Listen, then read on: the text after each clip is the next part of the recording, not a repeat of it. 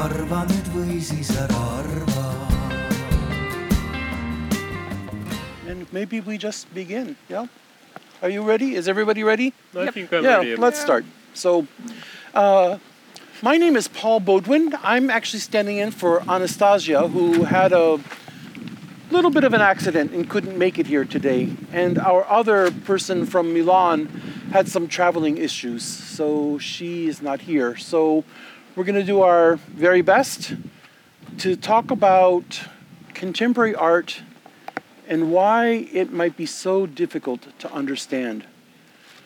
Um, I'm from the US. I've been a teacher, painter, and composer for almost 30 years. Um, but that's all I'm going to say about me. And because everybody here has so many accomplishments, I actually had to write a little blah, blah, blah, thing here. So I'm going to start with Miriam. I'm going to. Ah! Hello. She's God. I've had no beer, so that's why I make mistakes. Uh, you're the director of the Arte Artists Association in Tartu, No, Yeah. in Turku, Turku. in Finland, Tur- uh, you were coming from Tartu. and the and Titanik you, Gallery. and you opened up the Titanik Gallery, which is specializing in contemporary art.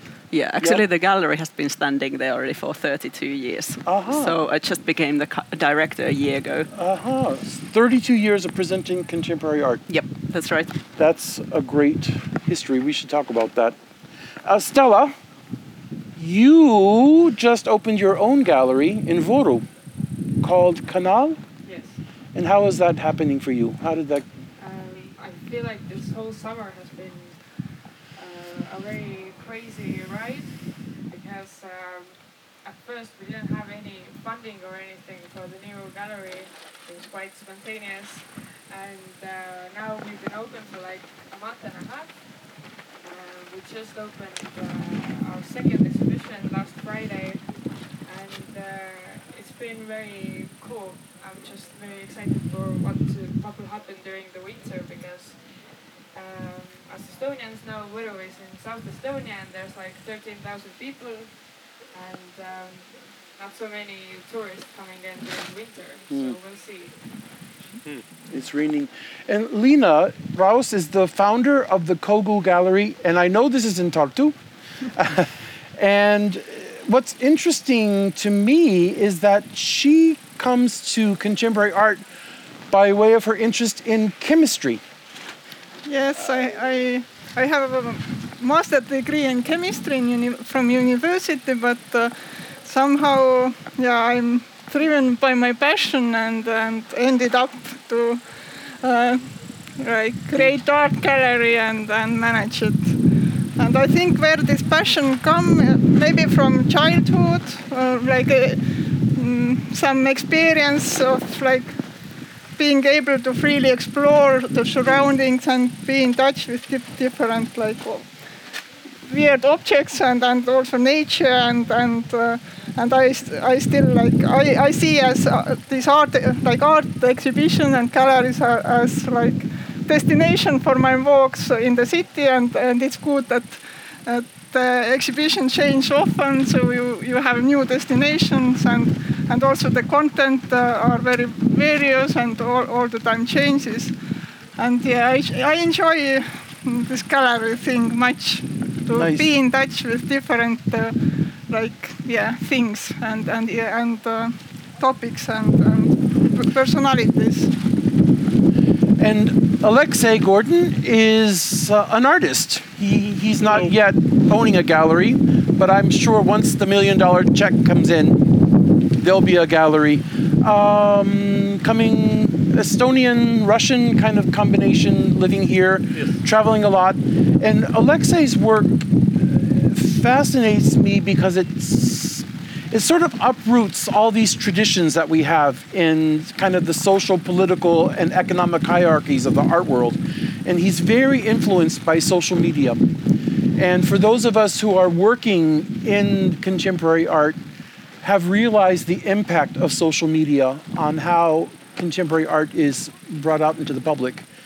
So, some very unique perspectives. And the perspectives all come to address, I think, a really common problem. I have yet to meet anybody who's gone to see contemporary art and come back saying, uh, I don't know if I should say it in English, but what was that? I, I, my child could do this. This looks like garbage. I, I don't get it. Why is this person in a gallery? Why is this person in a museum? And so there's a tremendous amount of confusion, a tremendous amount of misunderstanding when one goes into a gallery. And I think uh, we can take a look at this a little closer. I think all of us have some very unique perspectives on how to approach this idea. But how many people have had that experience where they've gone into a gallery and just said, like, WTF? Like, yeah, okay, yeah, yeah, totally. So, uh, I say this in a kind of funny way, but who's responsible for that feeling? Yeah? So, uh, I think WTF comes from everybody involved. But uh, feel free at any point to ask questions, to add commentary. It's like, this is the opinion festival, right? Everybody should have opinions. So, especially Estonians. Now's your chance to speak up and say, and then tomorrow just quiet. Um, does anybody want to share an experience they've had of being in a gallery or museum and just having that moment when you're like, what is this? Yeah, of course I have been experienced it, but uh, like as an artist myself, I have some kind of clue, you know, how to uh, activate the, the things like in my mind. But uh, yeah, it's totally acceptable. This this thing that sometimes uh, you don't quite understand what's happening, but I think it's a part of human nature. You know, if you don't understand something, you have to. If you if, if it's interest you, you have to make yourself confident about the thing. You know. So, what's one clue that you have when you're looking at something? Is there some kind of strategy or technique that says, I can use this to kind of work with this piece? Is, what, what is kind of a trick that you have? Well, I, I I cannot say I have some particular trick. It Just because I have like education in art and I have traveled a lot, looking a lot of exhibition, meeting a lot of artists. So for me, like I can, I can say I speak this language because like I can also have this example that uh, when, when you learn to drive a car, you know, for example, like you have a lot of different rules you have to learn. But when you're driving like for 10 years, you don't remember any rules. You just drive because you somehow know how to do it. You don't. Yeah, I cannot. I, I will probably sure I will totally fail driving uh, theory nowadays because I have like driving for 12 years for now. But then I can do it, you know, like automatically because I somehow understand what's happening on the road, and I cannot say like how I understand it. It just somewhere I have experience. It's just deep in my head, you know. I speak this language. One of the difficulties with contemporary art is that there are so many languages. It, it seems as its language is so unique uh, to everybody who makes art. I, How how you do it is so unique. So what what do you, what do you think about that? How do you? I could give an example from uh, last spring. I was invited to the Academy of Fine Art in Turku to have a look at the um, graduating class. So just two or three months before they had finally a show. And my background is quite heavily in um, like moving image and photographs and uh, lens-based media in general. And then over there, I was I was giving these uh, brief tutorials, 20-minute tutorials to painters, also, for example. And it's a moment where I go like, there is a abstract painting, and I'm like, yeah, I've been working as a curator for quite a long time, more than 10 years, and I've done a PhD in curating and everything. But when I see uh, like a abstract painting, I have to say that I mostly have absolutely no clue.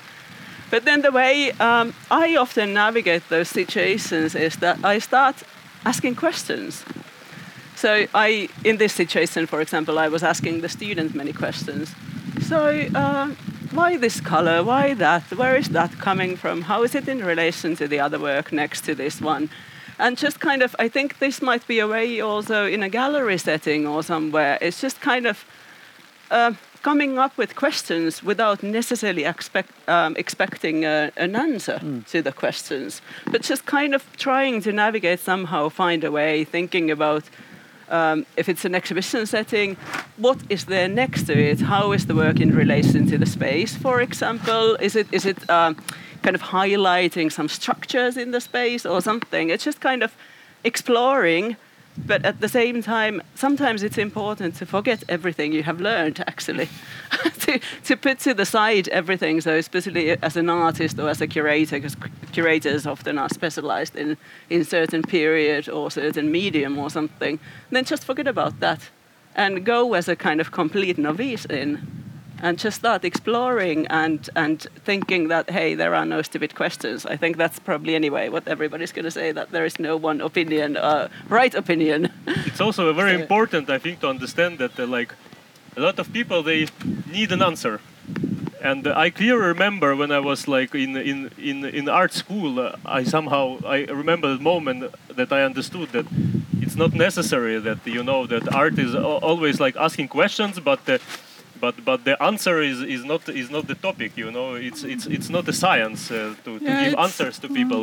You know the question is the is the main tool in, in art. And i mean it goes in the conflict uh, uh, with this kind of uh, wheel of our mind to find answers all the time. We need to clarify things. If we if something is not like is not clear enough it's a bit frightening.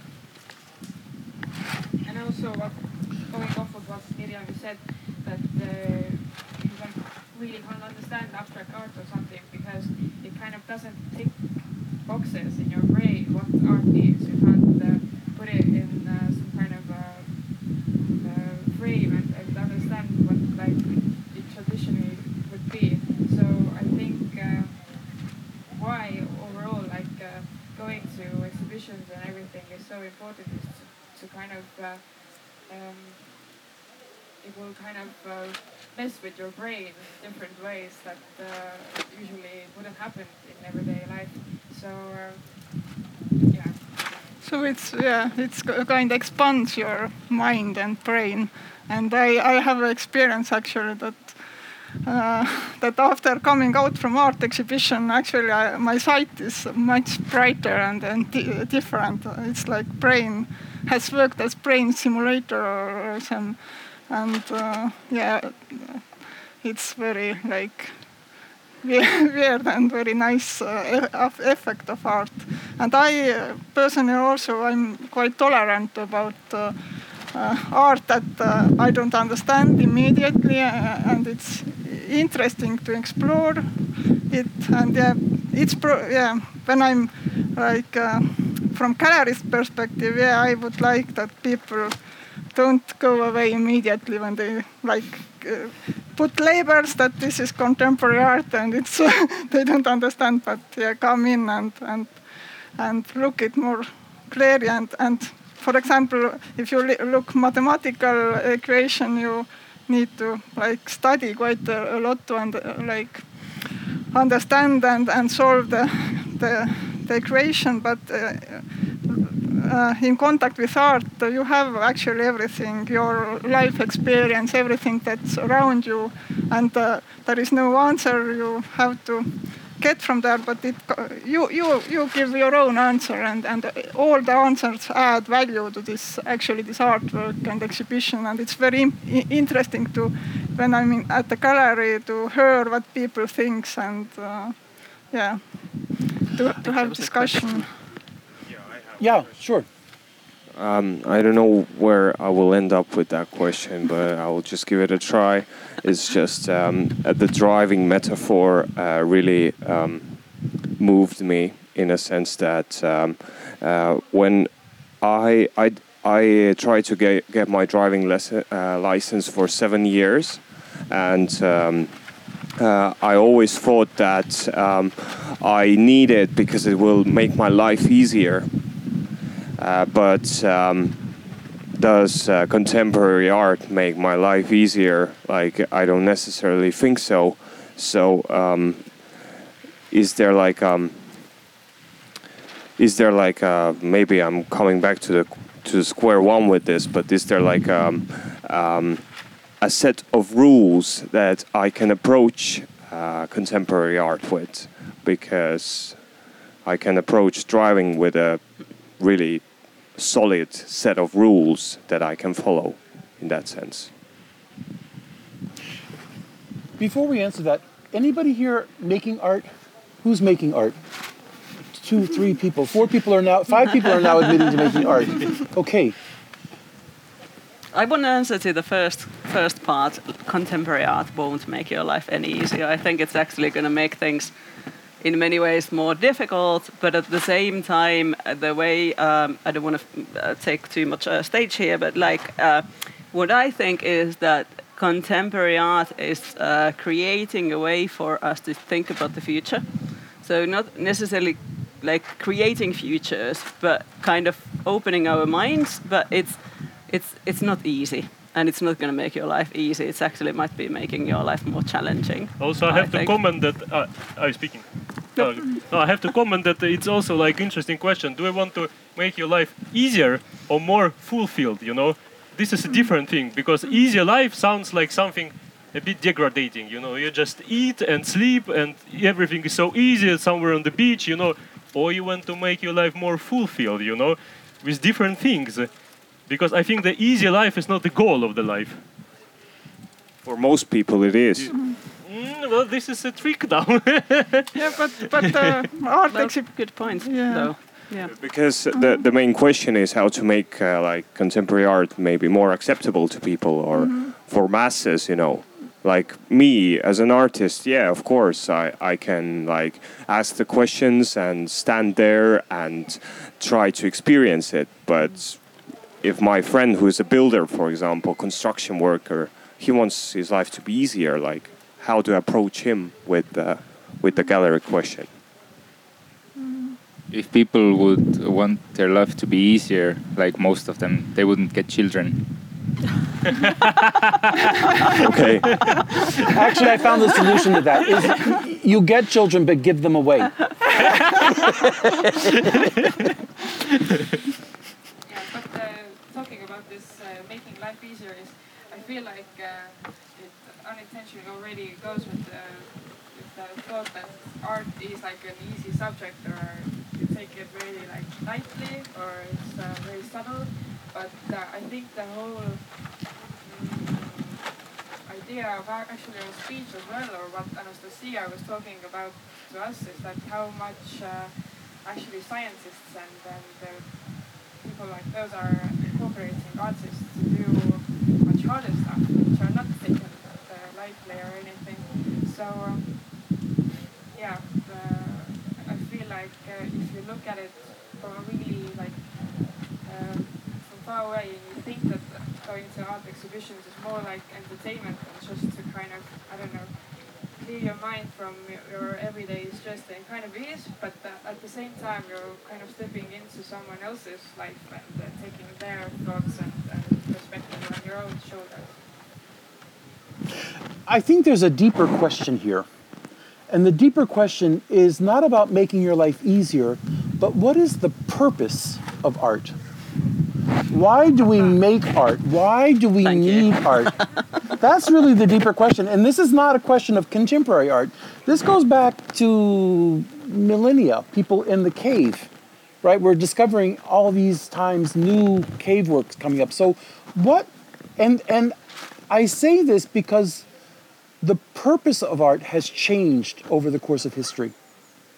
And I think we're in a very different kind of place than we were, say, when Michelangelo was alive or Cezanne. And so maybe we need to think about what is the purpose. And I think artists have a particular purpose. I think gallerists have a different purpose. And I think the audience, the spectator, has yet another purpose. So it might be kind of fun to untangle that. No? Yes? Maybe? Yeah, I think it's a very big question. And of course, if you start taking it from like a gallerist uh, perspective and a non-profit gallerist and uh, a state museum and everyone from everyone's perspective, then the answers are very different. I don't know if you want Yeah. to be here for that long. yeah that's a really difficult question it's it's like uh, yeah I think if we were able to answer that even halfway okay, we would uh, uh, solved quite many problems in the art industry and so on. Um, I can speak from my perspective. So I'm a curator, or I've been working as a curator for more than 10 years and now a gallery director. And for me, I, um, I would, this goes a little bit more into kind of theory now, but I think that curators have a duty to challenge the status quo of our society. And there, I, I somehow I think that there is this kind of counter-hegemonic drive behind curatorial practice and contemporary practice in that way.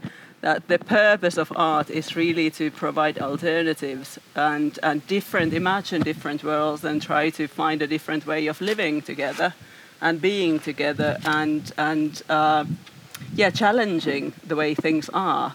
So that's that's for me sort of like why I'm curating. So it was when I was doing my PhD, it was these questions. I was really had to examine these a lot. And that was sort of like a conclusion that I came up with is really that that is the purpose. And then at the same time um, my duty as a curator is also toward the artist. So to help the artist in in making art and exhibiting art and making it accessible to people. But that as such doesn't necessarily answer uh, in any way actually what is the purpose of art. But that's sort of like what i think that is the, the, the duty of the curator in, in sort of like philosophical terms. Also from the artist perspective i have to say that uh, like it's nice to like art is somehow fighting with this like practicality of life you know like we like from our childhood we like taught to have some kind of practical goals some kind of steps you know we all the time searching for some kind of very concrete answers of what we are doing and like how we do it and how to approach this kind of happiness and during having these obvious steps in our life. But i mean art is is liberating in that thing that it's not a practical thing. It's very far away from practicality. You don't do it because of some certain reason there is no reason why you do I, I don't have any reason to do art you know because i just it just coming and going you know from something in my head or whatever. So it's kind of interesting fight uh, like against this like practicality you know that everything should have a reason and for everything there is a reason and it's not working like that. You know because we really don't like don't understand life as a whole. The life is way more complicated. And our practical question didn't succeed you know to answer a lot of questions like about who we are and how we should live our lives. So maybe in terms of art we need to skip this practicality and like jump into this kind of void of, of, of not practical things that don't have any particular answer that leading us towards nowhere maybe and it might be really interesting and beautiful Yeah, we have a question. Uh, perhaps I would like to ask about the. Um, I agree with the no reason, uh, but I find maybe sometimes it's interesting to talk about the cause. If you get what I'm, if you understand what I'm getting at, like what causes certain people to make art. For example, intellectual curiosity. For some people, it's like some overwhelming need of self-expression, uh, etc. For some reason, some people, it's you know the need for attention, whatever. Um, yeah, what do you think about that in general? Whoever. sorry i don't quite understood like this um, this this like So can like- you repeat it a yes, little bit Yes, yes, yes. Um, it's good to give an example. Like for me, for example, making art, uh, there is no practical reason either. I agree with you in this, uh, but I think for everyone there is there is something that causes them to põhjustama, causes them to make uh, art. Like for some people, it's like being curious about you know if they write it's it's they are researching during their writing and their writing is like uh, the result the fruit of this uh, curiosity. And for some people you know it's some need to express i don't know frustration anger sadness happiness whatever. Do you Yeah, so they are like kind of reasons, of course, but uh, how they express, uh, usually it's not very practical. It's like you know, it's can you can just shout, being naked, running around the room and shout and shout just because you're depressed. So and it doesn't look practical at all. But it's just liberating thing, you know. I just do it because I can, and it will be make me more happier person. but it's it's also it's also a important reason, that well, yeah. people like also express themselves, what how they feel in society, how they f- like, and artists are like uh, uh, giving uh, how the uh, eeskuju. Uh, It's like maybe making sense of the world, I think, for quite many people. Mhm. It's kind of processing these complex thoughts in, Yeah. through art and in art. I, I think for quite many people, it's really, oh, it's a way of being in the world. It's again, I'm ref- referring to me and my practice. Apologies for that. But it's the, the best example I can give at this point is really that I, I like, uh, while I was doing my PhD, I was really trying to find like what is what is my role in the society, what, what is my place in the world, and then it was that kind of making art. Uh, well, not making art, but making art visible and presenting art that was kind of finding order to the world for myself somehow, and making meaning, finding a place, um, and uh, yeah, giving order or finding alternatives again, making making this uh, yeah, creating a future in a certain way, or way to think about the future. Um, but but then of course the question is in a certain way is like, well, why why is it necessary to show it to the public? Then why what what makes it art and what what kind of like yeah these really big questions of so what is kind of like what is art what is not art and uh, we can all run around in circles. well, I mean, making in public, it's I think it's our like kind of natural urge. We have this ego, you know. We need to be approved, and we need to feel that we are also not alone. You know, if you show it to somebody, and then somebody comes to you and say, "Okay, I'm doing the same thing," and you are not alone. You know, and also somehow approval of your feelings, and of course, it's egoistic thing, no doubt.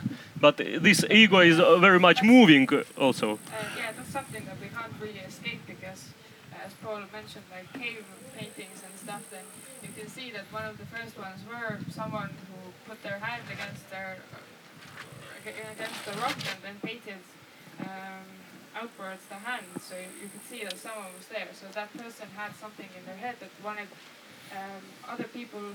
I don't know in, if in the future if they had those kinds of thoughts to acknowledge that uh, a person was there. So I feel like this whole ego thing has always been there and will always be. So we can't really escape that. You know, it's not ego.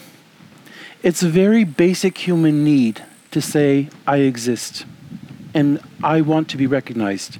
So I think we make art in the hopes of communicating to somebody else. My experience, my feeling, my my place in the world. I think the only way we make art is by self-expression. And I think the deepest desire of anybody when they make something, well, I think it's twofold. One is to say, and I hope all of you have a chance to say this I made this. This comes from my hands or my, my being. But also, how wonderful it feels when somebody says, Wow, I get it. Then this loop, this loop is completed, and now we can move on. I think what makes it very difficult is when we make something and somebody says, dude, I don't know, like, okay. And somehow that reaction minimizes us. If we don't have strong self esteem, we think, I'm not successful. I'm not communicating in a way that, that I, I want to.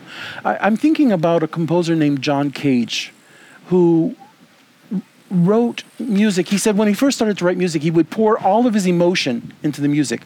But it was performed, nobody got this emotion. And he thought, how, why do I put so much emotion when the other person doesn't get that emotion, or the emotion that they get is not the one that I intended? So then the impetus has to change. The, the dynamic of why you make art and how you present art. And so I'm wondering, from a curatorial point of view, and, and maybe from a young gallery and I don't want to say old gallery. Yeah, three years old. but quite old. I mean that with deepest respect, but I'm wondering, as you pick up and carry on a lineage, you've got this tradition, and you're just starting to build this new tradition. How do these roads, will they meet at some place? Or do you take, does the new gallery kind of find its own way? I'm, I'm kind of curious to see how you might approach what you what you decide to show. So we, um, I'm the director of Titanik Gallery in Turku, and uh, it's uh, run by Arte Artist Association. Arte has been there for 60 years now, so it's quite a quite a um, like a, a his, yeah, a, an organization and a gallery with a long history. And when Arte was established, there was a, another artist association in Turku, and Turku is quite small. There are like 170,000 people only living over there. So there was, as such, no need for two artist associations. But Arte, the founding members of Arte, thought that the other uh, organization was so boring. they weren't challenging. They weren't doing. They weren't doing really anything experimental or anything. So that's sort of like the legacy. That's the organization I took over now, 60 years later. Then, and uh, that's we were just doing. So we have. Um, a bit more than half of our exhibitions and projects come through open call, and then the rest are some somehow invitational or collaboration. So we are doing a collaboration with Kogo Gallery next year, for example.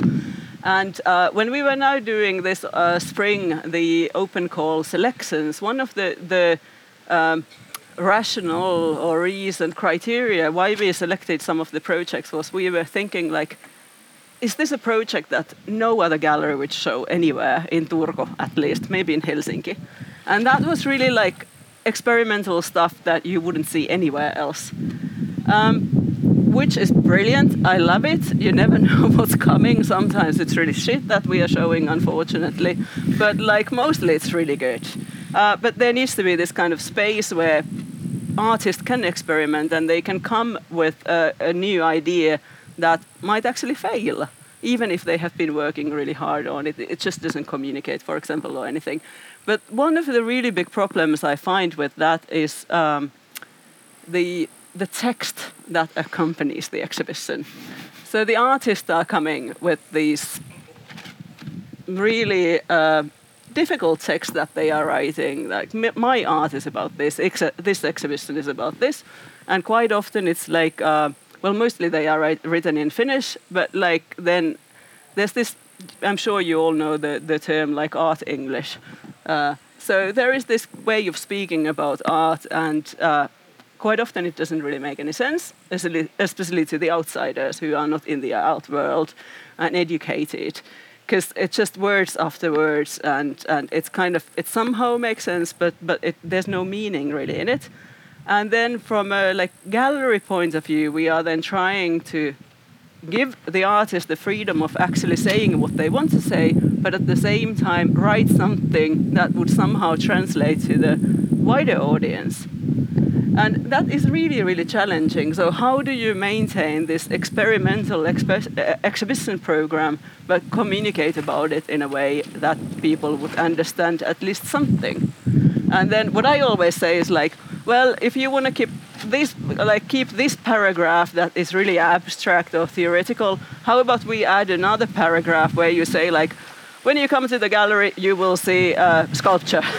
for example, and so on. So trying to balance those things, to saying like, hey, there is one bit that is uh, like really high flying, and then another bit that gives the uh, viewer some tools into kind of finding a way into the exhibition if they want to. I don't know if you've been online. Well, you've been online, I'm sure. But there's this great website called the Art Bullshit Generator. And it writes for you these blurbs that are completely yeah. nonsensical. But when you read them, it's like you've just walked into like the top-notch gallery of your of your city. There's so, another one, 500 letters. 500 letters, okay. yeah. I know what I'm doing when I go home. Yep. And and your gallery in Small Võru, uh, how do you what's your sort of vision of, of, of your gallery's purpose how do you see it serving your community uh, tricky because this whole thing of uh, we wanted to make uh, a contemporary art gallery because we have other galleries in Võru as well, but aren't exactly that specific. They are quite welcome to everything, but um, I chose these kinds of artists that people already in Estonia know and um, wouldn't be mm, maybe that frightened to come to a small basement in uh, and uh, and um, I kind of wanted to have it as like an experimental space for the artists that they can do whatever they want but of course with already this small time I have experienced what Mirjam was talking about and how everything can be very abstract and uh, it won't really help to bring the community closer if they don't understand it.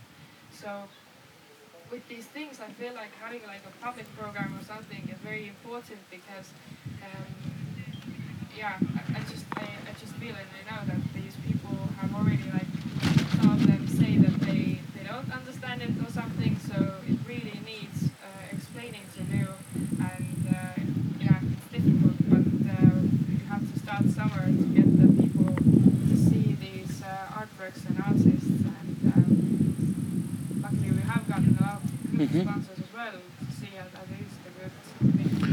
Yeah. But was it on, on purpose that you opened like a gallery in a tiny community in small town? So you wanted to bring it like to some like something out of Tallinn Y- and yes, Tartu. Mhm, mhm. Yeah, um, I am uh, originally from Võru Uh-huh. but I was living in Tartu and uh, and I was invited to this creative house. So there are like 30 artists working upstairs. They have their own studios, and then the house owner was starting to renovate that downstairs where they originally were like uh, Mm. garages. So this uh, this basement opened up, and uh, yeah, it was like a stairway into the basement where, um, like years ago, there would be a hole in the in the um, Ceiling? yeah ceiling, and then the car would drive up on it, and people would be Ah, okay. fixing the fixing the cars. So it's kind of Uh-huh, okay. yeah. Um, so yeah, this space just opened up very perfectly, and Yeah. I think this is an important movement towards like making contemporary art more popular, like uh, uh, opening some galleries and museums in smaller places. Because I compare to Finland, uh, Finland is quite unique country, and if I compare like average uh, like person from another country to Finnish person, they somehow a lot of people actually know about contemporary art, even they don't deal with art at all because every small town and village have some kind of art museum and gallery that actually shows quite high level exhibitions. Like and also they collect a lot of young artists they buy uh, works of the young artists.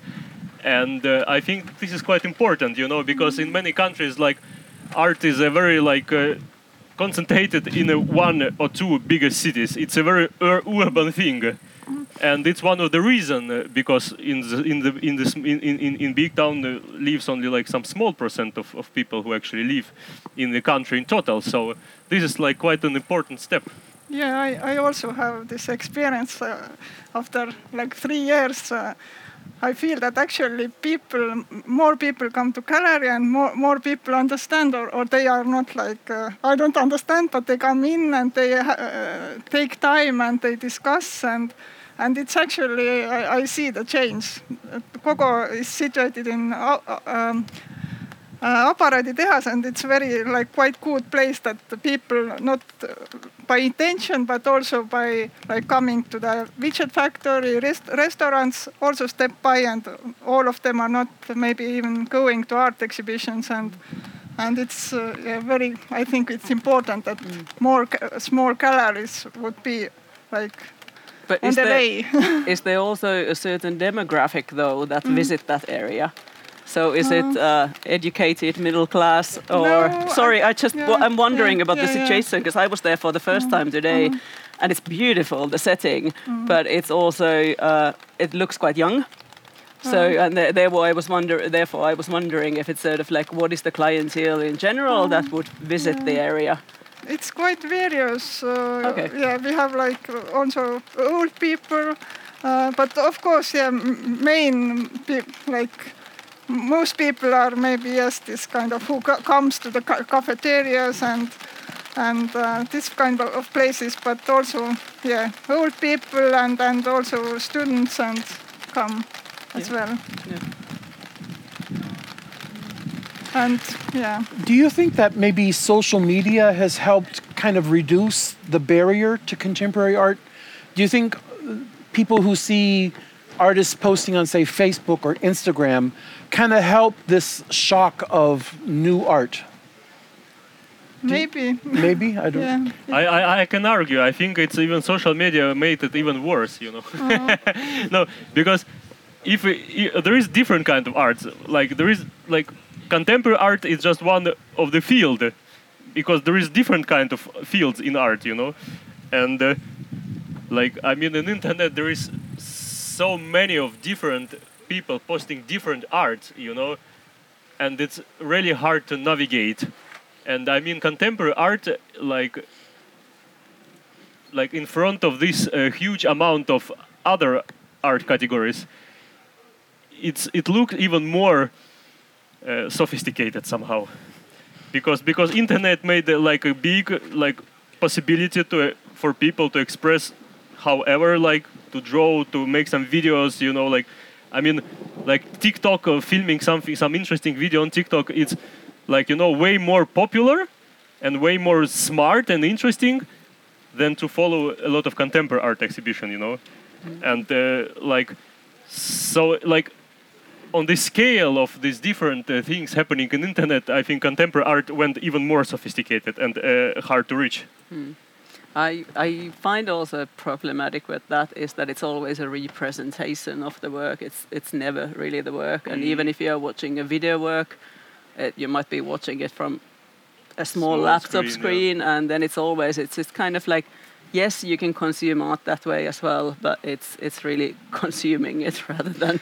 At least for me, I, I during this pandemic now, I went quite in the early stages. I think it must have been like March last year or something. I visited one virtual show, 3D, and I, I spent there five minutes, and that was my my interaction with these virtual uh, exhibitions because I just find that it's lacking completely the kind of situating myself with the work and in the space and I can't see the, the textures and and the dimensions and all that, which is then uh, like being there present in the space if it's like a gallery based for example or even outdoor something it's just you're kind of like finding yourself in relation to the work and even if it's something you didn't understand at first it might be a way of navigating and finding kind of like yeah navigating your way to the art whereas if you see it only on the screen it's only it's so one dimensional really It, it works if it uh, invites people to actually come to look art and exhibitions.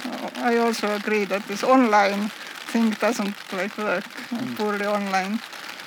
I always like on social media when people say, "Oh, this is my new painting. What does it need?" And I say gesso over everything. what sorry to put gesso to like start over again. ah okay okay okay sorry didn't get it. yeah. Um, I have a question again. Um, you told that um, art is uh, like a, a way of people telling that I exist, but uh, it's more a question for the curators of galleries. Like, uh, what do you think about AI art? Because AI doesn't need to prove that it exists to anyone, it doesn't have the psychological need. And how do people communicate with contemporary AI art.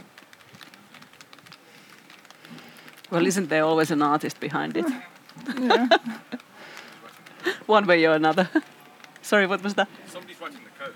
Yeah. yeah But but I think his point is uh, the code is is not what we are seeing. We're seeing the the result of this code. Um, I was thinking more about like self-learning machines that uh, at one point I don't know the specifics of it. I just think that one point those machines will start to self-learn, and I have seen like paintings that have been like algorithms just grabbing stuff on stuff and creating really ugly and really beautiful paintings, and they're evoking some emotions in me. Like, what do you think about those kind of works? Would the, would they be um, would you greet them in your galleries? Would you um, expose them? We are doing now next month. No, sorry, in October, an AI show. It's uh, but there very much the artist is present indeed because the artist has this idea of oh it's an artist duo and they have this idea of that they want to really experiment with AI. What what can it do? How how does it do? Um, and but there again, it's the sort of like what kind of information do we feed the AI? So they have chosen like uh, nature images, and then it's going to reproduce those in one way or another. Uh, and there is, I, I find that there is always there is the artist behind. There is kind of like the initial idea, and even if it's going on a completely different tangent, even it's the there's somebody who has actually put it like into motion, and then although the artist is then like not really doing anything, it seems, they are actually the creator of the work in that way. I I would think. I don't know if others have different differing opinions. No, I think nowadays we are still in that point that uh, like there is an author, there is an artist who made this machine, who programmed this machine, you know. But uh, like it's it's question of time, you know. In some point, machine will already like will need not need any human anymore, and it will be like totally different universe. But we are we are on the way there somehow, and this is different topic already. But then somebody is still selecting the things for exhibiting in the space and so on. And it's same thing. Uh, like well, it's it's very different thing, but a similar kind of idea with kind of found imagery. For example, there's the uh, Joachim Schmid, isn't it? Uh, the Berlin-based artist who had uh, created a few years ago this uh, Bilder von der Straße, so uh, photos from the street. He was collecting pictures from the from the street for decades, I think, and putting those together, cataloging them, categorizing them, and so on, and then creating sort of like yeah, showing those. It's the it's the I, I find that it's a similar kind of question. there. It's like yes, there are loads of images in the world now already, or and a lot of like uh, objects, artifacts that have been created. But then what's happening with them is, is sort of. Uh, It's like nature then that comes from the sea and like I don't know. It's Yeah. somehow remind me this child-free idea that we don't need to produce more children because we have a, a lot of children nowadays. Like it's same with art, you know. We, we, we with too many artists, too many art. We need to pick up uh, already existing uh, forms and, and show them. But Maybe I, AI is just a tool, like a palette yeah. for artists to use. That's, that, I mean, I most of the stuff I mean, I work with AI artists, and ninety-eight percent of the stuff is shit, and it's they're choosing the aesthetic, they're choosing the things that can get displayed. You know, so um, you know, the the, uh, the computer doesn't care, the artist cares. yeah, exactly. Yeah. On YouTube, there are many stations where you can listen to music and it plays 24 7 and it says live. But all that music is coming from a computer. There's not a single human person involved in it. The algorithms for producing jazz and soft pop and even some kinds of classical music are so refined now that you can barely tell the difference. Unless you're a trained musician and then you notice there's something missing. There's a human element missing.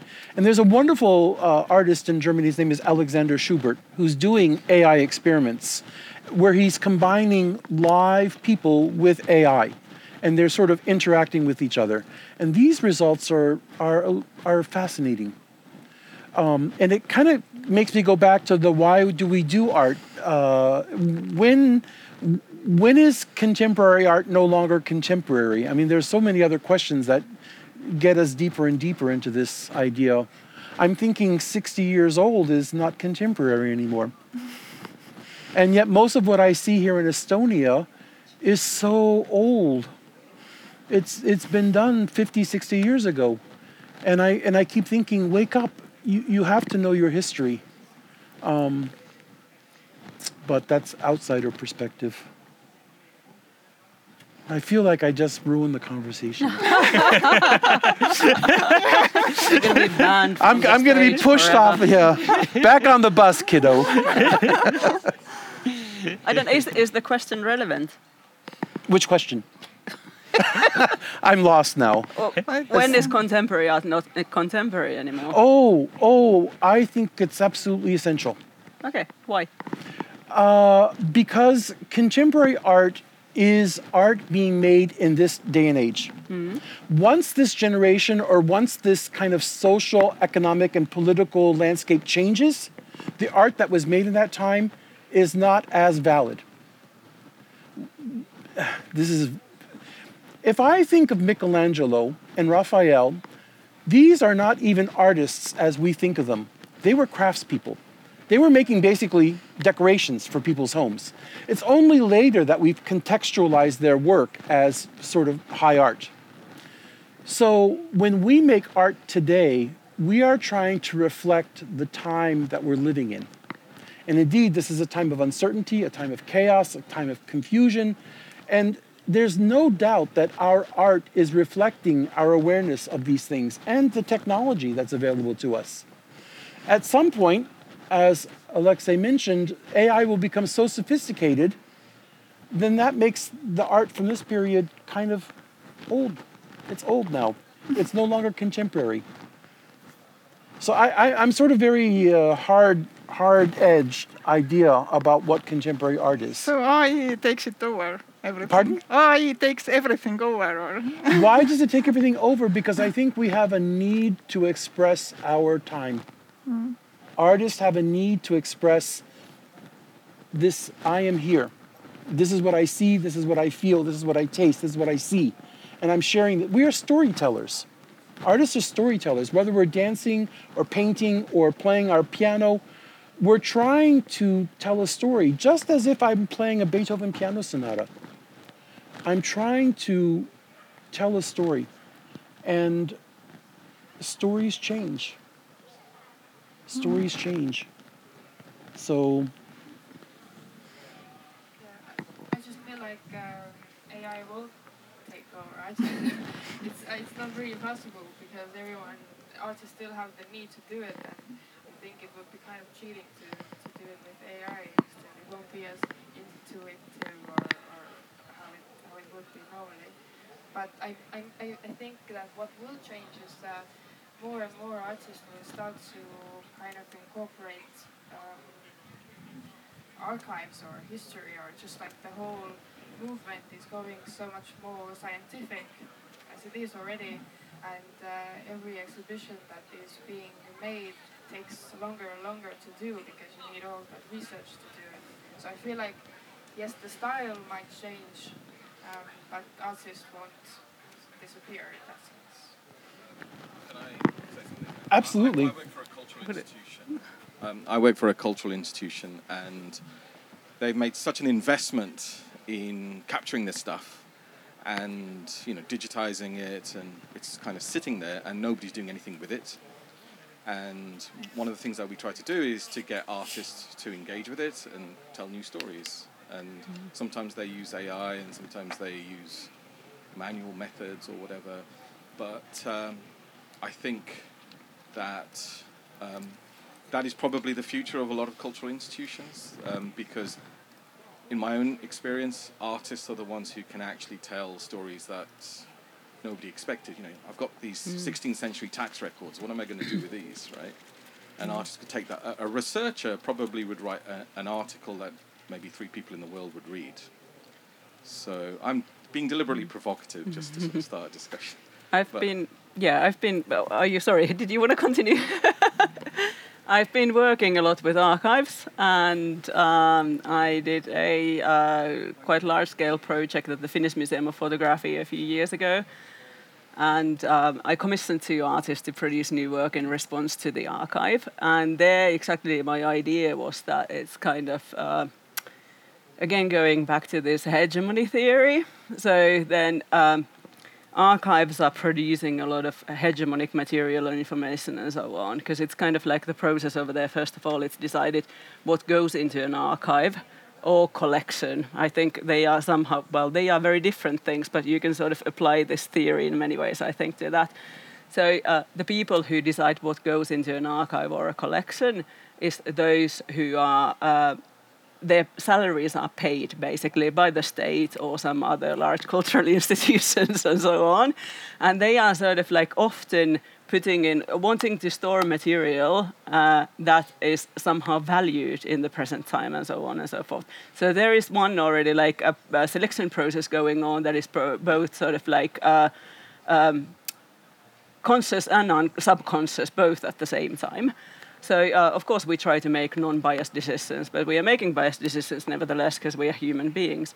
And then uh, archives are being edited because not everything can be kept in there, and so on. They are recategorized or put into different uh, like cards, whatever, like databases and so on. And then what I find a really problematic point there is whenever material is being digitized is that who makes the selection? What is being digitized and what is not being digitized? And that exactly it's the same people like civil servants basically who are adhering to the rules and regulations. And they say like this is important for our culture this is important for the future and so on. So they are reproducing these biases and so on.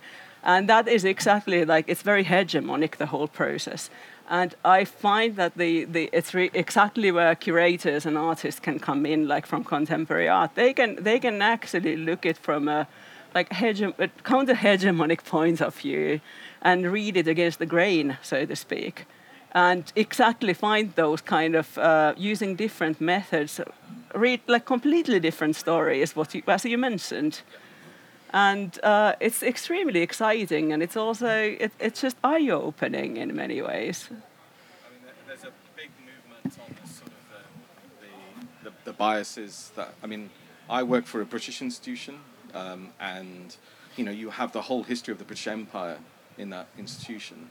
You know, the colonialism, the selections that were made at particular points in time. So um, it's good to get people in and tell different stories and say, actually, all this stuff is really, really biased, and these were the reasons they were chosen, and something new could be told about them. You know, uh, that people don't aren't aware of. Um, but what's just something that you were saying earlier about um, artists and how they communicate. Um, they're generally really bad at communicating, in my experience, um, especially to the public. And I'm throwing that out there, and what people, but they they're honestly really terrible. Um, very few actually have. I mean, I think it's a different set of skills you know, to be able to communicate what you what you do, and, and not everyone has access to to the ability to be able to, to talk about that, and um, and you know, I think they sometimes need help, and you know, like um, especially from the perspective of the public, and that can be you know, uh, especially if you're producing something that's for public show for a very large audience, for example. You know, I've had direct experience of that, and um, it's interesting what what their sort of initial concept and idea was, and then the public think of it. And um, I'm very interested in the idea of public contributing to actually making the art as well. So we tried a little experiment with that, where the public actually contribute information and data to actually help the artist make this thing, which has actually been help, uh, created partly by the public as well.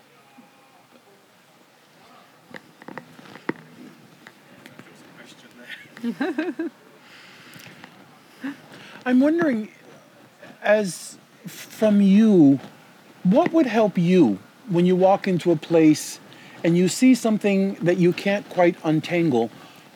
What would you like to see? What would you like to see from either the artist or the gallery or the presenter? What, what could help you kind of start to untangle these things? Well, I think I had a bit of a question before this, but Sure. it sort of uh, ties into this as well. Uh, I think that art is, uh, you know, especially when it comes to its spread and its popularity, it's, it's very heavily tied into memetics. And I'm of the opinion is that uh, if you, the artist, him or herself, has to communicate the message of the art, then it has already pretty much failed in its original purpose. And you mentioned that uh, you know people that uh, are considered very talented artists, high art, as you said, uh, Mike Michelangelo, Raphael, they were craftsmen. They produced decorations, but that, that's the point of it. They produced it not to uh, fulfill their own vision or uh, uh, sort of give forward a certain message that only they see clearly. So that's I think that's why they created uh, such memorable pieces. And even you know when we, when we go to more modernist styles like uh, futurism, for example, it, it's a it's a very modern style par excellence. I would say it was one of one of the first major modern art movements. But even that had a uh, or even even even futurist pieces had a very clear either symbolism or message. For example, you know the Aeropittura made by the Italian futurists. You know, it clearly its message or purpose is to simulate the sensation of flight. So uh, what what it, so what I, what I want to see, for example, like. Uh, uh, when I go to an art gallery, I, I, I maybe for some people this may sound quite uh, how, sh- how should I say um, uh, not very intellectual, but I would uh, like to see a message that is that can be understood by someone else than the artists themselves. So uh, my my question is that how how do you sort of uh, see this see this idea of you know if they're if the artist has to explain it, it's already failed in some way. We have somebody here in the front. Thanks. Um, I thought that was an interesting question. You know, what would um, we like to see? I mean, because I, you know, face that all the time. I go in and there's usually something from the curator or from the gallery. But what would really be nice, I think, you know, is to have like three short statements. One, whatever the artist says, let him be a bad communicator, right? But whatever, you know, what what are they what are they trying to do? And then not just one authoritarian authoritative voice, you know, of the curator gallery, but maybe two different, you know, or a few different approaches like what's going on here, what the you know significance is, maybe different kind of political takes where that might be appropriate. You know, Hmm. something yeah, because I'm someone who, uh, you know, I, I mean, I often consider myself an artist, but with words. I don't do any images, right? But you know, so for me, the words speak and and and evoke something, and uh, and you know, seeing some kind of explanation is is really good. I know an artist in Poland who does wonderful work, Elżbieta Janicka, and. Um, she did did this work ab- about you know the oh history of Polish Jews, let's just say. But you know she she she has these images that you know when you look at them, there's nothing there. One of them is like uh, you know a spectacular image done in um, Belzec, an extermination camp, and it's actually just a picture of the sky on a negative, on an Agfa negative, you know, the, the German company negative. And there's nothing in it. I mean, the the the whole artistic work is actually the story that needs to be told about it, right? She did another exhibit of contemporary Warsaw, and it's like just these buildings in Warsaw. But you know, then the explanation is, you know, here's where the diff- the different sides of the ghetto were. Here's, you know, so all of that comes out in the in the telling. Again, that speaks to me. I know to others, it, you know, it doesn't. But uh, but you know, since all galleries do have some kind of words presenting it, I'd like, you know, a, a, a few different uh, uh, authors rather than just the. Yeah, we, we have uh, have to try to uh, organize public program for the exhibition to invite uh, different people to, to discuss. Uh, so this also helps to add this uh, different thoughts around the exhibition. But yeah, we haven't done this kind of, but it's yeah probably idea. um, but yes, our exhibitions uh, we- we have ve- uh, like different kind of texts.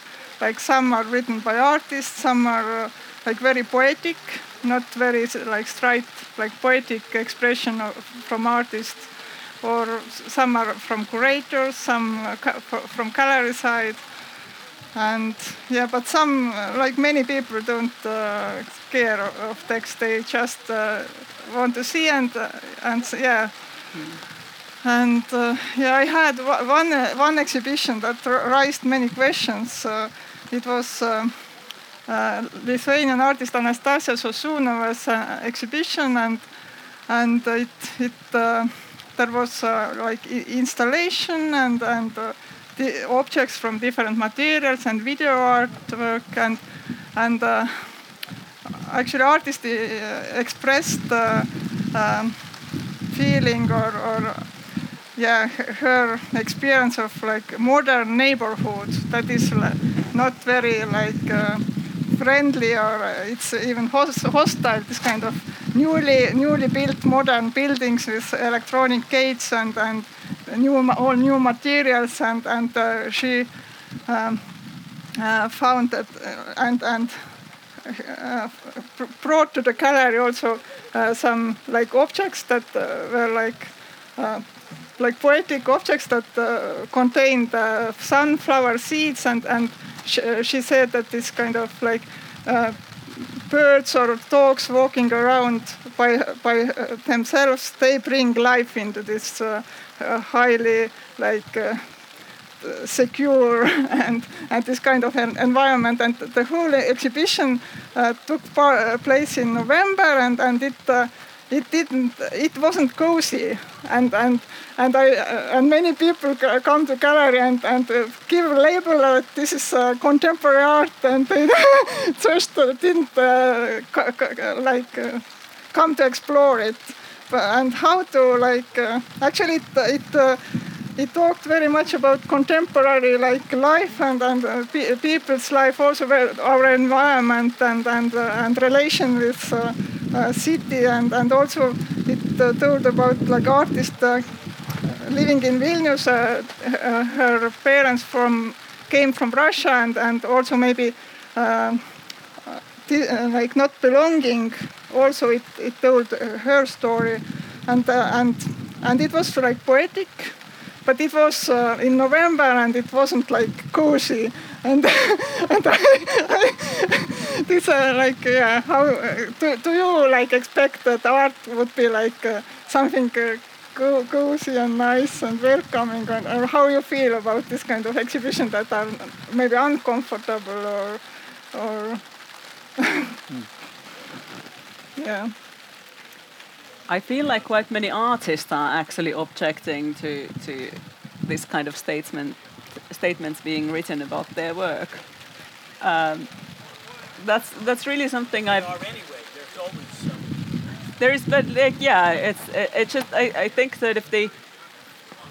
Uh, yeah, there it's really challenging trying to find the right balance between being being sort of like open enough and maybe pointing into some kind of direction or something, but then also giving a, uh, some sort of frame for, framework for interpretation. And what I have now started to appreciate is bios, because I always used to think like, hey, nonsense, like what do we need the artist bio for? But like no, actually, I, I always ask the artist. I was like, could you even just one really brief paragraph? I don't want to hear where you have exhibited or wh- where in which collection your work is, but just to give sort of like a context. Hey, I have been working with this materials or with the, these themes previously, and sort of like showing where the artist is coming from, because quite often that is opening then the work in a different way. Even if they if they are doing something completely new and different, it's still sort of like the background is important often. I uh, will quickly put this as a possibly a bit of a side remark, but to answer the question from earlier as well, and also to I think link with the bio thing is what I really liked. Uh, it was the exhibition just when we had the uh, last March the first lockdown that got kind of you know half cancelled from uh, and Paul Kuimet in Tallinn Art Hall. I don't think that Art Hall always does this, but it was kind of because of the pandemic they did this tour and then they also did this like maybe they had it planned anyways they had this like 20 30 minute video of them discussing kind of on the spot didn't really seem that like pre-planned and very like art speak art englishy but very human and nice. Just why they did it and what it's about. And I, I think this is a really especially in, in the times now where every everybody has a who has a smartphone has a camera in their pocket. And professional cameras do not really require that much money to be rented and used by you know even the smallest of galleries, even like apartment exhibitions. I find it really really nice to have that kind of material as well, and I think it's really um, it brings uh, contemporary art closer also to people who are let's say somewhat interested but maybe not really that experienced in the field and so on and so on i think it's good good like add-on So if so, would you like galleries to have a website that presents the artist talking in a kind of more humanistic way that you could see before or after the show? So like you you go to the show and then afterwards you can go to the website and kind of get a different point of view. Would that would that be useful? Maybe. i think it can help especially with bigger institutions like the art forum Actually, they do it like Yeah, for a they- quite long time some, already. Some some of them do, yeah. But I think sometimes it's it they don't promote it. Uh, yeah, there is on Kunst, in Kunstihoone there is usually this tiny screen uh, Uh, on the window, like, but you can uh, look at it online also. Um,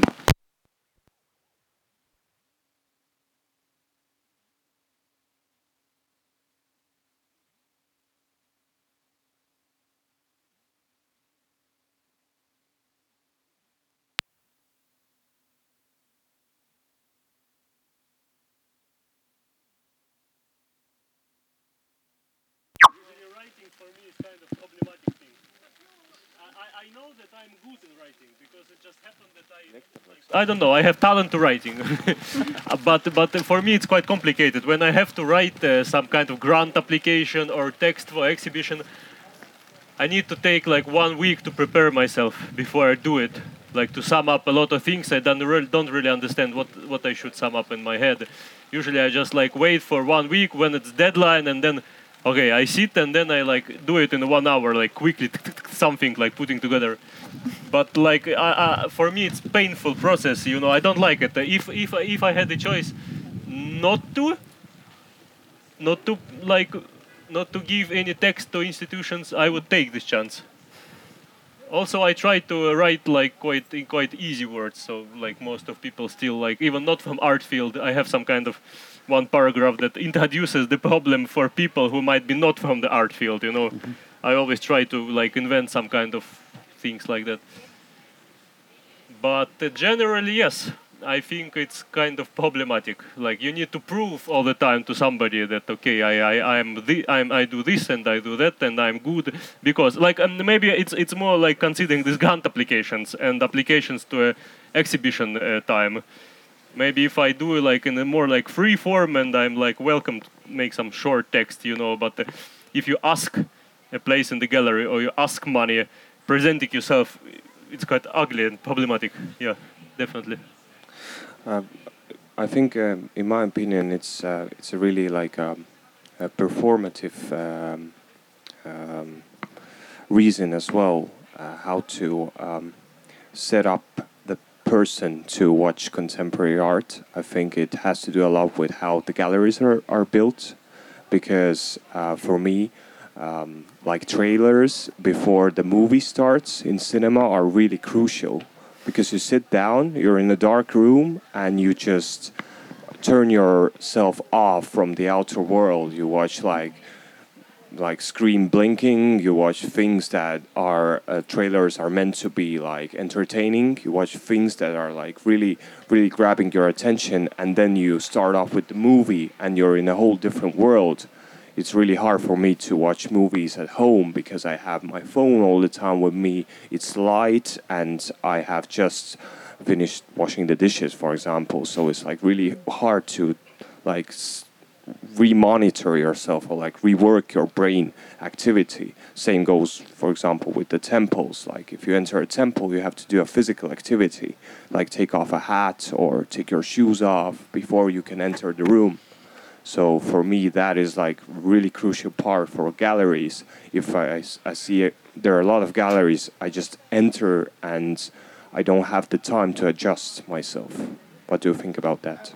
just overall with the whole thing that someone else asked earlier as well uh, about like uh, these texts and how it kind of kills everything that artist has made is that how um, you have to put in the work yourself to understand the artwork. So I feel like it's it's normal that in uh, in an exhibition You don't have a text that says this is this, this means this, and that's it. So you have to kind of program yourself to think of uh, or like dig deeper and, and see how it all uh, comes together in your brain. And with all of these videos or interviews and public programs, I think that's quite crucial to help people uh, expand their their thoughts even more. So yeah. I was just going to say, um, one way I, when, when I work with artists to try to get them to communicate better, is um, to, for them to talk about their process.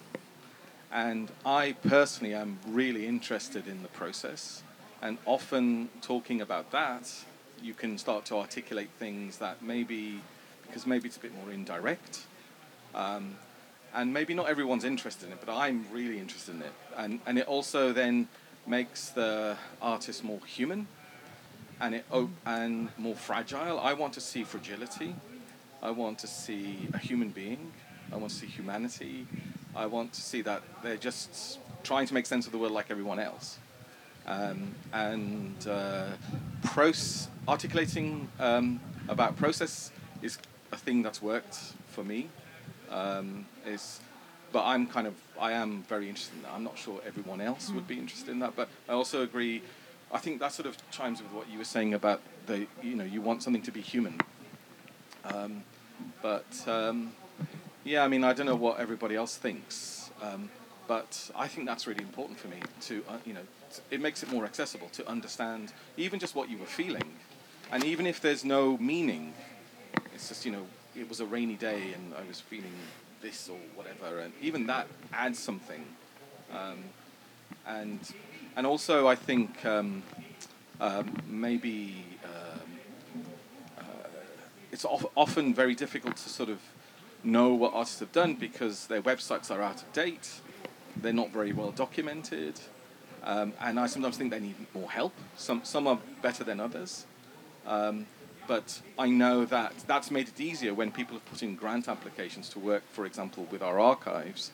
Um, you know, it's it's quite clear just looking on. Oh yeah, I, I, see what they're trying to do here. You know, and it just makes it easier and more accessible. Otherwise, it you know, I mean, it's very time consuming having to come uh, get someone in to talk to them. But you know, you have to do that too. But um, I found that those who are better at documenting have usually have a more significant advan- advantage. Um,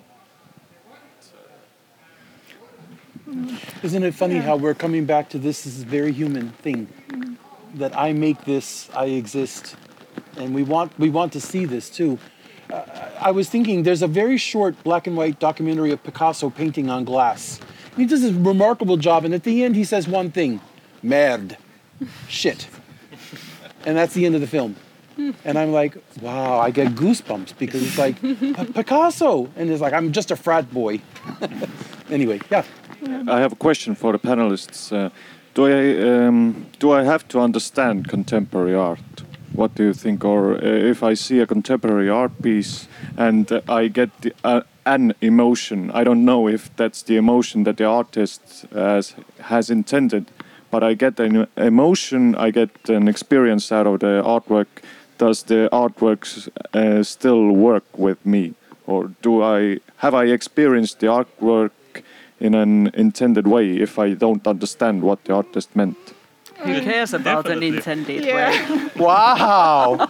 Okay. But, uh, like try, uh, Let's play. Just try to. Uh, Lena, why don't you start? yeah, I think it's like uh, uh, you you should maybe try to understand yourself through the artwork, or or yeah, try to understand how it affects you, what you see, and also of course yeah, it's good to. For for me as gallerist, uh, I always like to understand the story behind artwork and why artist ma- makes this and what uh, have triggered her or him. Uh, this kind of questions I, I I'm interested, but when I just uh, like observer of artwork, uh, not as gallerist, then I just uh, maybe have dialogue with my own uh, experiences and and uh, what I'm my own thoughts. So Yeah, totally agree. You don't have to like kind of scientifically understand this artwork. Like I'm emotionally it's totally okay because as an as an artist myself, sometimes I don't really care about the concept. I go to the exhibition and somehow I like it because it resonates something and it reminds me something. I see some elements I like, and I don't read the text. I have no idea what kind of uh, information this artist uh, originally wanted to say or express. But I still like it, you know, Yeah, and and- I, I think this is a good ability Yeah, to and do it- it like that. like uh, you create uh, some kind of interesting uh, connections and links and it's uh, also creative process to like look art and and uh, yeah it's it's very important that it's it's So, do we need an explanation in the gallery, or the, how much explanation do we need in the gallery? um, I think it's uh, of course when you have like your own view and it's always interesting to read another view as well maybe and and uh, also uh, hear artist view then you even more expand expand your experience but maybe it's even good to just uh, go first without text or Yeah, I think it's the viewer's responsibility to decide how they want to approach the artwork. So I, I think it's important to have something. Um, but I do prefer handouts, for example, so a paper and not text next to the work. Because if there isn't text next to the work, at least I can't ignore it. It's impossible for me. I always read it, even if I don't want to.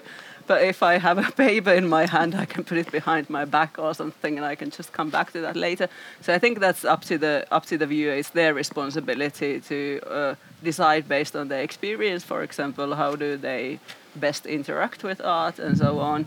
But like I, I think there is like yeah, artists might have uh, one intended way of uh, what like yeah meaning for the work and so on, but it's not really. It's um, the artwork doesn't possess that meaning. I find that it's it's kind of like when the artist is letting it off their hands and and when it's done, if it's done, but like when it's being publicly displayed, that's it. It's just kind of. Uh, the the uh, artist has the ownership of the work, but like not authority necessarily in that way. But at the same time, it means that they are not giving it to the curator, for example. But it's kind of like shared then with the viewer. I find. And yeah, I also like to like to think that art exhibition are, can be like this kind of discussion place where you can share like thoughts about the artwork with your like friends or and you can like uh, express your like your thoughts and feelings uh, uh, towards different things. Yeah. Yeah, now we're approaching this like uh, important topic, uh, like exactly because this like question of discussion how to how to like explain contemporary to people and so on. But uh, do it is a very important question that we actually don't need to do it. But uh, it's a problematic because a lot of people go to the galleries and they need an answer, concrete answer. Why is this bottle standing in this corner? You know, they don't want to you know use the imagination or somehow whatever okay i rem- okay this bottle reminds me something uh, like i don't know like it, it can be like a lot of a lot of narratives in the in the person head but uh, like majority of people they somehow like they need an answer okay why is this pile of shit is in the middle of the floor what does this mean it don't have to mean something it's your respons- it's, it's your responsibility to, to find the, the answer it's it's or it's not find. uh, uh? or not find. or not answer. find it's kind of inviting you to open up something in your head which was be- closed before and that's all And it's quite important nowadays uh, to And like, practice this uh, also, yeah. uh, facing unknown and not familiar things. I, I think it's yeah because world is changing so Yeah. fast and we see new things all the time we need to educate ourselves constantly compare with people 100 years ago who haven't seen any development in 100 years like Or the even same 60 years. in 60 yeah, whatever yeah yeah Mm. But therefore, like we have been talking mainly about kind of uh, white cube uh, exhibitions, art in that context. But like this, um, what you said about uh, facing the unexpected or something, then I, I I've kind of become a big fan of public art in the recent years. Just through this experience of uh, like quite often public art is quite bad one has to admit but like there are some amazingly good pieces where you just are walking down the street and you notice something and go like, wow, this is amazing. And I think this is really a way of sort of, because everybody can encounter those works. But there, of course, also there is the problem of who is the public artwork meant for. So quite often it's the white uh, middle class people who are like, well, speaking of Turku, for example, where I live, it's sort of like they are situated in places where this kind of uh, uh, consumerism culture is anyway quite lively, and then only only certain uh, demographic go, go there and so on. And I suppose the artworks are often also created with that audience in mind. But like, um, yeah, there are so many other places also like meeting art and experiencing uh, than than the gallery.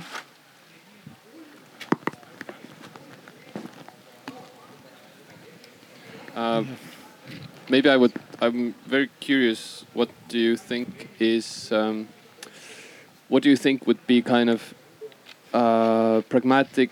Maybe not fully pragmatic, but what are like some components of um, societies where contemporary art where the reaction to contemporary art is less often I don't understand this, therefore I will just go away now or never never actually come, and where it's more like where people are more interested uh, naturally, where people even not being sp- specifically in a culture field, even in their daily daily uh, job, daily activities, where they still you know put in the effort and put in the interest. You know, in Estonia, theater classical dramatic theater is very like you know big, but everything else is kind of in the in the background. So I'm wondering, what is it like?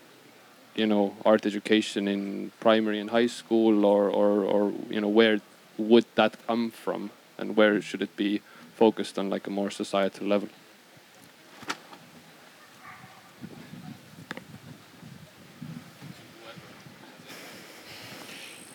One of the things that we've avoided is this idea of elite, elitism mm. in art. Mm. That the gallery already tells us this is good and you don't get it, so you're not good. I think a lot of what we accept must come from education, uh, but it needs to be reinforced from outside of education, from media, from other people, from conversations. Um, as we get ready to close, I really think one of the things that I'm hearing is get out there and look and explore and ask questions. The wider you are in your experience, I think the more open you can be to understanding the new and the unknown. And I love having a reaction to it, whether or not it was the author's intention or not. You're responding to something, and that's so beautiful.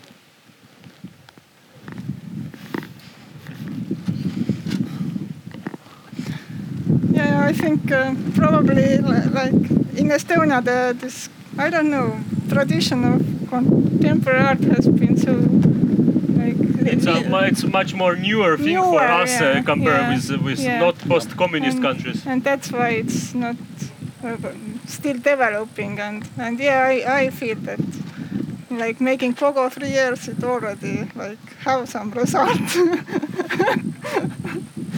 yeah, so let's keep doing. I want to thank you guys. Really amazing to have this conversation, and thank you also for not being shy and for We sharing. were really with us. afraid there will not be any questions. we were beginning to think there were going to be no people. uh, we'll hang out. If you want to talk to any of us, we can certainly respond privately. And thank you. Thank you. Thank, Thank you. Thank you. Bye-bye.